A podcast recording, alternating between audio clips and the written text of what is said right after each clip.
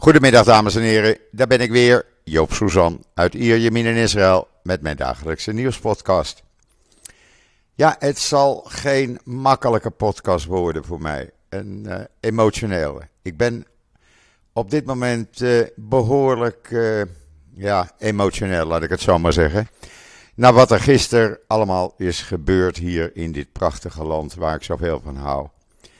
Maar goed, het is de realiteit. Het is een realiteit waar we mee moeten leren omgaan. Alhoewel het is niet makkelijk. Ik kom daar zo dadelijk op terug, want ik ga eerst even het weer doorgeven. Ja, het is veel van hetzelfde. Het is 42 graden gevoelstemperatuur, luchtvochtigheid 55 tot 60 procent. En het blijft voorlopig zo, dus weinig verandering. Strak blauwe lucht, zon en een zwak briesje, maar dat is heet. Het is gewoon te heet om overdag de straat op te gaan. Maar goed, gisteren hebben we dus een uh, in mijn ogen dramatische dag meegemaakt. Een dag waarvan ik vind dat het land verandert.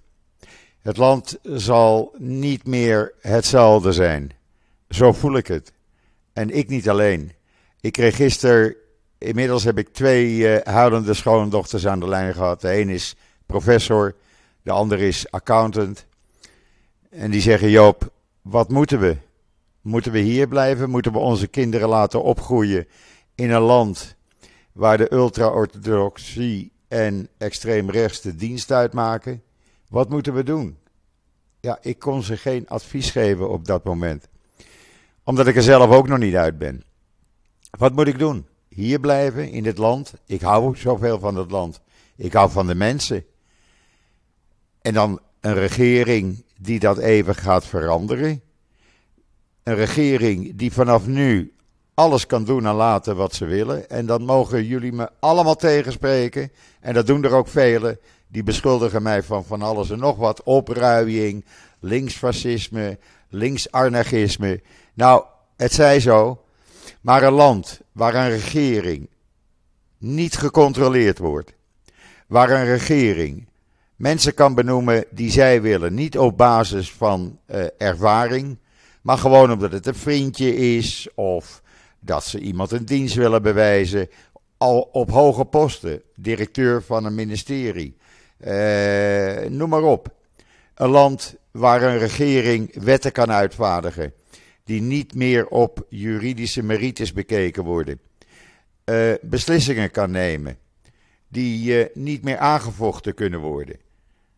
Moet ik in zo'n land blijven? Ik ben er nog niet uit. Ik ben er echt nog niet uit. Ik heb er afgelopen nacht ook niet van kunnen slapen, maar dat is logisch. En ik ben niet de enige. Ik liet vanmorgen mijn hondje uit en ik kom uh, terug naar het flatgebouw. En een van de medebewoners, een man dik in de tachtig, die vroeger uh, bij de Mossad heeft gezeten. Want hij heeft mij al die verhalen verteld. En ik zeg, uh, nou Moshe, wat denk je ervan? Hij zegt, Joop, ik heb staan huilen als een kind gisteren. Dit kan niet, dit mag niet. We moeten blijven vechten. Je moet naar die demonstraties gaan. Help. We moeten zorgen dat dit niet doorgaat. Dat was een, een man die zijn leven gewijd heeft aan Israël. En zo zijn er velen. Ik heb met verschillende mensen inmiddels gesproken. Ik heb mensen gebeld, mensen hebben mij gebeld. Mensen zijn radeloos.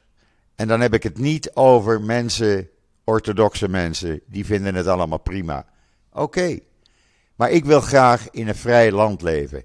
Ik wil in een land leven waar de democratie regeert. En dat hebben we gisteravond kunnen zien dat ik niet de enige ben. Tienduizenden mensen die tot diep in de nacht zijn wezen demonstreren.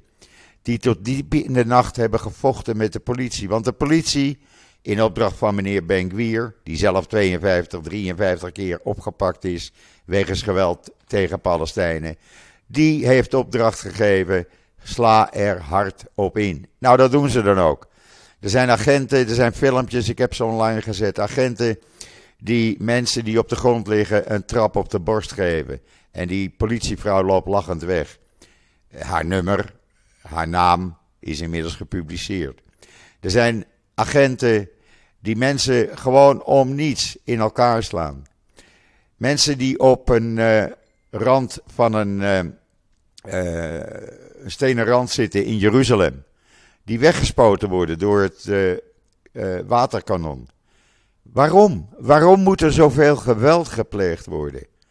Mensen zijn, mensen zijn kwaad, mensen zijn woest en dat blijft ook zo. Er is inmiddels een WhatsApp-groep opgericht, vanmorgen vroeg, waar medici zich kunnen melden als ze denken, nadenken over uh, verhuizing, over relocatie. Daar hebben zich inmiddels al 1400 medici gemeld die informatie willen hebben. Er zijn bedrijven die zeggen: oké, dit is het, wij gaan weg uit Israël. High-tech bedrijven. Is dat wat men wil? Wil men het land overgeleverd hebben aan ultra-orthodox en extreem rechts? Prima. Maar dan zal Israël een leegloop kennen van uh, de meest, uh, ja, laat ik zeggen, de brain drain. De mensen die uh, hier aan de top van de wetenschap staan. De mensen die succesvolle high-tech bedrijven hebben opgericht. Die mensen blijven hier niet. Die bedrijven verdwijnen. Die professoren kunnen overal aan de slag. die zitten niet vast aan Israël. En dat gaat gewoon gebeuren zo als er niets verandert. Het Hoge Rechtshof. Men is dan versneld uit Duitsland teruggekomen. Een delegatie van het Hoge Rechtshof onder leiding van de president. Omdat men daar op officieel bezoek was omdat er inmiddels petities zijn ingediend. Maar ik verwacht daar niet veel van. Waarom? Omdat het Hoge Rechtshof alleen maar op de juridische uh, feiten de wet gaat beoordelen. Is het juridisch allemaal in orde? Is het juridisch goed gegaan? Ik denk niet dat daar een wonder gaat gebeuren. En trouwens, het Hoge Rechtshof is de eerste die monddood wordt gemaakt door middel van deze wet. Want dat is de volgende stap. En dan kan premier Netanyahu gisteravond in zijn toespraak van alles en nog wat zeggen. En zeggen dat hij bereid is tot onderhandelingen in november. Maar dan vraag ik me af, meneer Netanyahu, waarom dan niet eerder onderhandeld? Waarom dan niet onderhandeld voor die stemming? Want nu is die wet, er eenmaal. En er kan niet meer over deze wet onderhandeld worden. Ja, over de volgende wetten die eraan komen. Maar daar zullen jullie ook geen soepelheid intonen. Want zoals meneer Benkwier gisteravond op televisie uitgebreid vertelde, we gaan door met alle wetten die we uh, in de koker hebben en die we uh, klaar hebben staan. Want het is goed voor het land. Meneer Benkwier, 53 keer opgepakt. Een, een gefaalde advocaat die niet verder kwam als het verdedigen van kolonisten die Palestijnen in elkaar hadden geramd. Dat is meneer Benkwier. Nooit in dienst gezeten. Gaat oordelen over de paraatheid van het leger. Meneer Smotrich, die zich voordoet als de redder des vaderlands. Ik kom op voor de bevolking. Inmiddels heeft hij wel gezorgd dat vanaf morgen de treinkaartjes, de buskaartjes, het hele openbaar vervoer 12% duurder is geworden. Jawel, 12%. En juist de mensen die het niet breed hebben, moeten gebruik maken van het openbaar vervoer. Waar is deze regering mee bezig? Ik moet even een slokje water nemen. Waar zijn ze mee bezig? Echt, dit kan gewoon niet. Dit mag gewoon niet. En moet ik dan mijn koffer pakken in december? Ik weet het niet. Ik heb me voorgenomen te wachten tot wat er na het zomerreces gaat gebeuren. Welke wetten er nog meer in worden gediend. En dan zal ik het definitieve besluit nemen. En zoals het er nu uitziet, ja, zal het een besluit zijn in de richting van weggaan. Maar ik zal het daar heel, heel moeilijk mee hebben.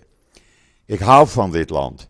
Ik hou van de mensen. Ik hou van de natuur. En ja, ik hou zelfs van die bloedhitte.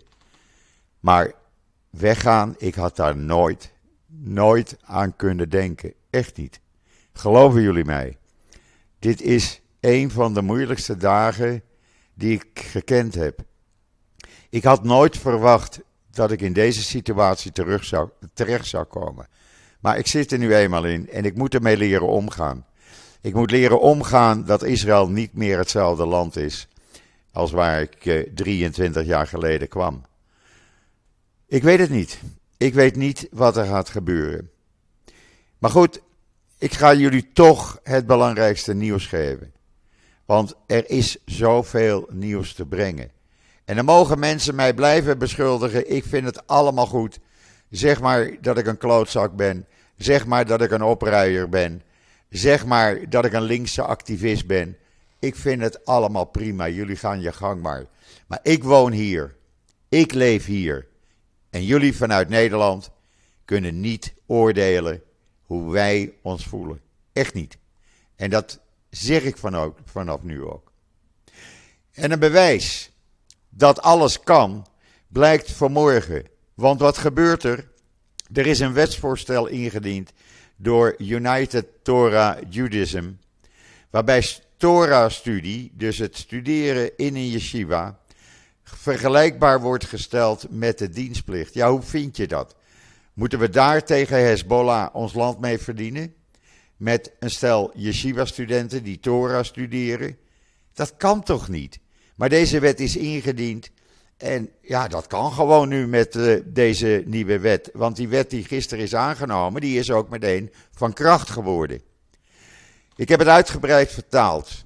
Het hele, de artikelen uit uh, N12 Nieuws, Channel 12 en de Hebreeuwse Wynet. Om jullie het vertalen te besparen en het zo duidelijk mogelijk online te zetten. Men vindt, en dat blijkt ook in de coalitieakkoorden al bekokstoofd te zijn, dit voorstel. En dan kan de Likud zeggen dat ze hiervan schrikken en erop tegen zijn. Maar ze hebben er zelf over onderhandeld tijdens de coalitieonderhandelingen. Want dat zegt United Torah Judaism.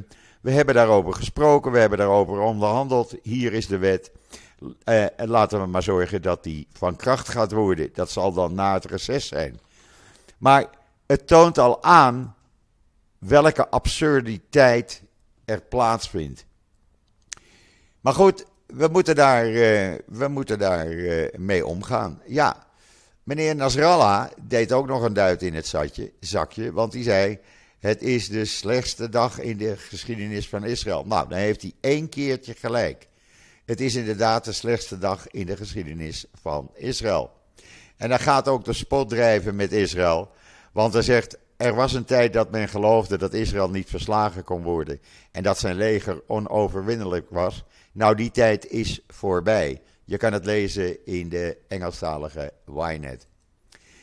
En dan, ja, Lapid heeft gelijk, Gans heeft gelijk.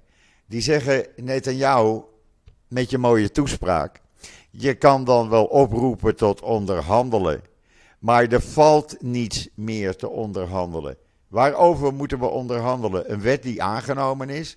Het is een lege oproep. Dat heeft helemaal geen nut.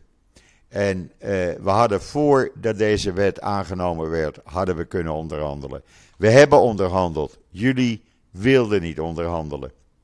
Jullie wilden geen soepelheid tonen. Staat in de Times of Israel. En dan Galant, die zegt: ja, ik heb het beste gedaan wat ik kon om te zorgen dat uh, er op het laatste moment nog een versoepeling van deze wet zou komen. En ik heb niet tegengestemd, want het is het beste dat ik aan het stuur blijf. En eigenlijk zegt hij, is het, uh, heb ik het wel geprobeerd, maar wilde de oppositie niet. Het is altijd iemand anders de schuld geven. Zeg nou gewoon dat je niet bij machten was omdat je onder druk stond van Netanyahu. Als je tegenstemt, dan krijg je de zak, dan word je ontslagen en definitief ontslagen. En dan kan hij wel zeggen, Galant, ik heb het in maart geprobeerd en toen werkte het, nu werkte het niet. Nee, Galant, je had nu hetzelfde moeten doen. Je had gewoon moeten zeggen, ik ben een kerel, ik toon ballen, ik stem tegen, ook al kost het mij mijn baan. Klaar. Maar nee, dat deed hij niet. Staat in de Times of Israel trouwens. Amerika is woest. En dat was te verwachten. Ze roepen op om te zorgen dat er alsnog compromissen komen. Dat er alsnog een brede consensus komt. En dat het recht van demonstreren blijft bestaan. Daar roepen ze tot op. Je kan het lezen in de Jeruzalem Post. En uh, zij zeggen, die wetting mag dan wel aangenomen zijn, Maar zorg dat die overige hervormingen die jullie voor ogen hebben, dat die alleen met brede consensus plaatsvinden. Ja, ik weet niet of dat gaat gebeuren. Het staat het hele verhaal in de Jeruzalem Post. Daar kan je het lezen. Uh, dan hebben we uh, het verhaal wat er gisteren in de pers kwam. En dat is ook zo raar. Dat roept ook vraagtekens op. De IDF-stafchef wilde voordat de stemming zou plaatsvinden een gesprek met Netanyahu. Netanyahu weigerde. Hij beweerde dat, hij, uh, dat het niet in zijn planning uh, zat, dat hij geen tijd had. Nou, ik vind dit was heel belangrijk, want de IDF-chef wilde hem informeren over wat de stand van zaken wat betreft het leger is. Nu, al die dienstweigeraars definitief gaan weigeren, zoals ze aangekondigd hebben, om uh, uh, nog reservedienst te doen. Maar Netanyahu weigerde uh, Halevi, de stafchef, te ontmoeten voor de stemming. Vanmorgen zijn er in een aantal kranten zwarte voorpagina's verschenen. Die zwarte voorpagina's zijn betaald door de high-tech-industrie. En die zwarte voorpagina's die tonen aan hoe veel Israëli's zich voelen. Men is in rouw. Men, men voelt zich als zijnde in rouw. En ik moet zeggen, zo voelt het ook. Je voelt je verloren, je voelt je radeloos. Je weet niet wat je moet doen. Je probeert te functioneren, maar met moeite. Uh, ik zou iedereen willen aanraden, lees, die, lees dat op-ed van David Horowitz, de hoofdredacteur van de Times of Israel. Want hij slaat de spijker op de kop. Hij zegt namelijk: Netanyahu's overwinning op de herziening van de rechterlijke macht betekent een tragische, rampzalige nederlaag voor Israël. Want door de, deze wet goed te keuren, verkoos Netanyahu de eenheid van zijn hardlijncoalitie boven zijn belangrijkste verantwoordelijkheid als premier, namelijk de eenheid van de natie, de eenheid van het land Israël. Want het land Israël is verdeeld. Het land Israël is nu in twee kampen verdeeld. De voorstanders van deze wet en de tegenstanders van de deze wet. Uit alle peilingen blijkt dat het aantal tegenstanders nog steeds vele malen groter is dan het aantal voorstanders. En dan hebben we ook nog een hele grote groep die het niet weet. Maar dat is de situatie in Israël. Het land is verdeeld in twee kampen. En Israël was altijd een land wat één was. Een land waar iedereen, ja, ook al waren er oneenigheden, maar het was nooit in twee kampen verdeeld. En nu is Israël een land geworden waar reservisten niet meer komen opdagen. Waar reservisten dus minder getraind worden. En in tijd van oorlog is dit levensgevaarlijk. Uh, Israël is een land geworden waar kolonisten en ultra-orthodoxen de dienst gaan uitmaken. Ook dat zegt uh, Horowitz. Israël is een land geworden waar de coalitie zal streven om binnenkort, zo snel mogelijk, procureur-generaal Gali Baharaf Miara van haar post te verwijderen. Waarom? Omdat zij juridische adviezen tegen deze herzieningswetgeving heeft uitgebracht. En ze beschermt de, uh, de, demonstranten tegen de harde hand van politieminister Ben Gwier. En dat gaat haar baan kosten. Daar is iedereen van overtuigd. Die zal binnenkort uh, naar ander werk moeten uitkijken. Want zo gaat het gebeuren. Men wil geen tegenspraak. En heet dat democratie? Geen tegenspraak? Kom op zeg. Waar zijn ze mee bezig? Maar lees dat artikel van uh, Horowitz. Ik heb hem hoog zitten. Ik uh, acht hem zeer hoog. Ik vind het een van de beste columnisten die er is. En dan nog een uh, uitvloeisel waar deze wet nu ja, mee te maken heeft. er worden stappen ondernomen om de vrouwen in Israël nog meer uit te sluiten. In de Hebreeuwse Wynet, ik heb het online gezet, staat een heel artikel van vrouwen dat is al bekend, die mogen bepaalde bussen niet in, want die zijn alleen voor mannen. Vrouwen moeten achteraan zitten in een bus als er mannen in zitten. Uh, vrouwen lijden onder fysieke uitsluiting in de publieke sfeer. Een voorbeeld is bijvoorbeeld, onlangs besprak de Knesset het recht op gendersegregatie. Ultra-orthodoxe vrouwen waren daar niet welkom. Die mochten daar niet bij aanwezig zijn. Vrouwen, de rechten van vrouwen worden vertrapt. De rechten van vrouwen, die zijn er niet meer. En die worden steeds minder. Als orthodoxe vrouwen dat prima vinden, oké, het is hun leven. Maar we hebben ook met seculiere, seculiere vrouwen te maken. Die dat niet prima vinden. Die willen niet achter in een bus zitten. Die kunnen niet achter in een bus zitten. En gaat men nu wetten uitvaardigen waarbij dat verplicht wordt? Waar zijn ze mee bezig in de Knesset? Orthodoxe vrouwen die, kozen, die kiezen ervoor om op deze manier te leven. Ik respecteer dat. Maar respecteer dan ook dat er vrouwen zijn die traditioneel denken of helemaal niet geloven. Geef die dan ook hun rechten. En ga niet jullie rechten opdringen aan deze seculaire vrouwen. Want dat is men van plan. Een gendersegregatie waarbij vrouwen niets meer te zeggen hebben. Je kan het lezen in de Hebreeuwse Waarnet. Ik, ik verzin het niet, echt niet.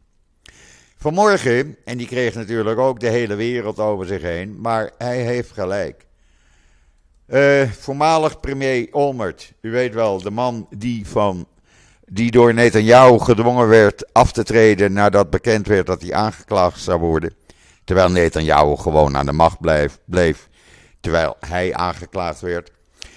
Uh, Oud-premier Olmert heeft gezegd: Israël gaat een burgeroorlog in. Er is een dreiging. Dit is een serieuze bedreiging van een burgeroorlog. Het is nog nooit eerder gebeurd, zegt Olmert. Maar we gaan echt een burgeroorlog in. Hij verklaart dat in een interview met de Britse channel, nieuwschannel Channel 4 Nieuws. Dat interview staat volledig in de Engelstalige Jeruzalem Post. Daar kan je, een, eh, daar kan je het lezen. Hij zegt: Velen binnen de Israëlische samenleving hebben hun ongenoegen geuit over de gerechtelijke hervormingen van de regering. Honderdduizenden Israëli's zijn de afgelopen weken de straat op gegaan. Duizenden, tienduizenden IDF-reservisten hebben gedreigd te stoppen met reservedienst als deze wet wordt aangenomen. Medisch personeel heeft ervoor gekozen te staken. Die staken ook vandaag. 24 uur Shabbosdienst uit protest tegen deze wet.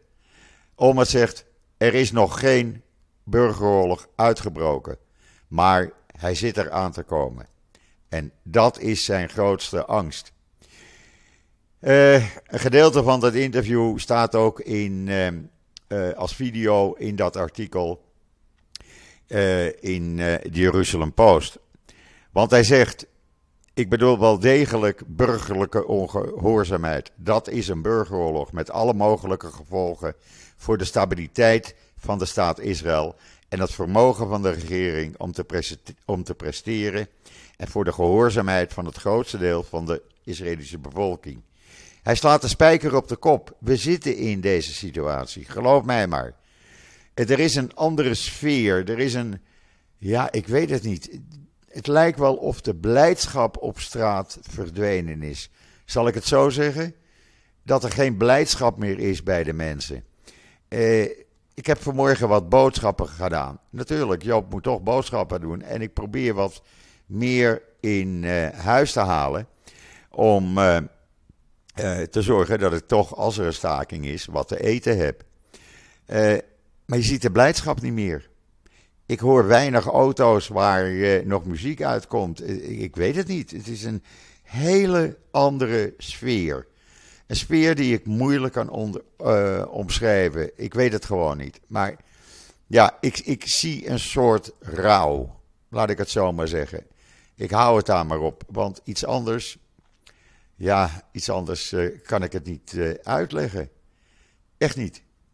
Maar zijn, is er dan helemaal geen goed nieuws, Joop? Is er dan alleen maar slecht nieuws? Nee, Joop heeft gelukkig goed nieuws. En het goede nieuws is dat Hollywoodfilms door een, vanwege een uh, betrokkenheid van een Israëlisch bedrijf binnenkort in een klaslokaal bij jou in de buurt beschikbaar zullen zijn. Uh, en hoe dat dan werkt? Nou, uh, men heeft door middel van kunstmatige intelligentie weer wat uitgevonden. Israëlische wetenschappers en een start-up, academie, uh, die zegt dat ja, we hebben het onderwijs opnieuw uitgevonden. En films kunnen we nu door middel van artificial intelligence in klaslokalen laten zien. Nou, je kan het lezen in Israël, uh, israelnieuws.nl. Daar heb ik het hele verhaal. En de grootste primeur is eigenlijk wel, staat ook in uh, israelnieuws.nl. Uh, Israëlische onderzoekers zijn erin geslaagd om een door bacteriën geproduceerd gif te coderen in mRNA-moleculen en het rechtstreeks aan kankercellen af te leveren, waardoor ze het gif uh, produceren dat hen vervolgens doodt. Hoe mooi is dat? Dat je dus gewoon door middel van bacteriën kankercellen kan doden. Het zijn uh, twee professoren van uh, de Universiteit van Tel Aviv geweest die dit ontdekt hebben. Professor Dan Peer en Jasmin Granot Matok, die hebben dit uh, onlangs gepubliceerd in Terra Nostics. En het toont aan dat een enkele injectie in het tumorbed in diermodellen met melanom huidkanker in 44 tot 60 procent van de gevallen de kankercellen doden. Nou, dat wordt natuurlijk nu nog meer ontwikkeld. Maar het is toch een sensationele ontwikkeling. Waar we hartstikke trots op zijn. Dat het weer Israëli's zijn geweest die dit hebben ontdekt, ontwikkeld. En deze brain drain gaat verdwijnen uit Israël. Deze mensen kunnen niet in een land leven, deze professoren, waar uh, ultra-orthodoxie de dienst uitmaakt. Er zijn professoren geweest die vanmorgen op televisie hebben aangekondigd, ik heb het online gezet, dat ze stoppen met lesgeven uit protest. Dat ze zullen kijken hun werk in het buitenland voor te gaan zetten, maar niet meer hier. Onder andere een bekende professor van de Hebreeuwse Universiteit. Ik ben even zijn naam kwijt, maar ik kan ook niet alles onthouden. Die heeft gezegd vanmorgen, eh, ik stop met lesgeven ik, uh, ik kijk uit naar ander werk in het buitenland. Ik denk dat uh, het buitenland uh, het druk gaat krijgen. Een nichtje van mij, de dochter van een van mijn broers, woont al een paar jaar in Nederland, in Amsterdam-Oost. met haar man en haar twee kinderen die daar geboren zijn. Die zou dit najaar definitief terugkomen naar Israël om hier te, verder te gaan wonen en te werken. Haar man was er niet zo blij mee, maar ze hebben dat besluit uh, toch samen genomen. Uh, door de ontwikkelingen die hier gaande zijn, hebben ze nu gezegd: Nou, we wachten nog even. We komen in september wel op vakantie, dan kijken we even wat de sfeer is. Maar dan gaan we weer terug naar Amsterdam. En dan blijven we daar voorlopig even. Dan kijken we eerst even aan wat de situatie in Israël verder gaat worden. Hoe het zich verder gaat ontwikkelen. En zo zijn er meer. Uh, ik hoor van vrienden en kennissen uh, hier in Israël dat in ieder geval hun kinderen uh, van plan zijn te vertrekken. dat zijn mensen die traditioneel leven, mensen die seculair leven, die op vrijdagavond naar vrienden en familie met de auto gaan. Eh, die heel af en toe naar de synagoge gaan, maar die wel een fijn leven hebben. En die dat eigenlijk niet op willen geven, maar zich niet meer vrij voelen. En dat is het grote probleem wat zich nu hier in Israël gaat afspelen. Het is niet meer het Israël wat het was. Ja, als, als je als toerist komt, zal je er voorlopig althans weinig van merken. Kan je gewoon alle bezienswaardigheden bezoeken? Kan je lekker op het strand liggen? Maar het gaat veranderen. Neem dat van mij aan. Het gaat veranderen en het uh, in een negatieve zin. En de democratie, de parel in het Midden-Oosten, wat Israël altijd was, waar Israël onbekend stond. Ja, helaas, mensen, helaas. Ik, eh, gisteren, ik zal er heel eerlijk in zijn, die wet was aangenomen en de tranen liepen over mijn wangen. Echt waar, ik ga daar niet emotioneel over doen. Ik ben emotioneel, maar ja, ik had het gevoel van Joop, je verliest, je hebt verloren, je moet opnieuw beginnen. En ik wil dat niet. Ik wil dat niet. Ik blijf voorlopig gewoon lekker hier in Israël. Ik kijk de situatie aan, hoe het zich gaat ontwikkelen. Ik hou de vinger aan de pols, maar ben op, uh, ja, aan de andere kant toch ook aan het rondkijken. Uh, er is mij aangeboden van Joop, kom lekker naar Portugal, naar de Algarve. Waar een vriendje van mij uh, van alles en nog wat ontwikkelt. Lekker goedkoop, 50% goedkoper dan Israël, bijna hetzelfde klimaat. Maar ja, daar heb ik ook niemand. Uh, Nederland, ik weet het niet. Ik heb mijn kinderen, mijn kleinkinderen nog daar. Maar moet ik naar Nederland toe? Ik weet het gewoon niet. Ik weet het niet. En net zoals de kinderen van mijn overleden meisje, die uh, mij huilend opbelden dus gisteren. En die ook gedemonstreerd hebben, week in, week uit. Ook die, ik kan ze geen advies geven. Echt, ik weet het gewoon niet. Ik heb wel tegen ze gezegd, elke beslissing die je neemt, respecteer ik. Maar laten we er goed over praten met z'n allen.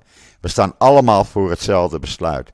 We staan allemaal voor dezelfde beslissing die we moeten nemen. Uh, we gaan daar binnenkort ook met z'n allen over praten.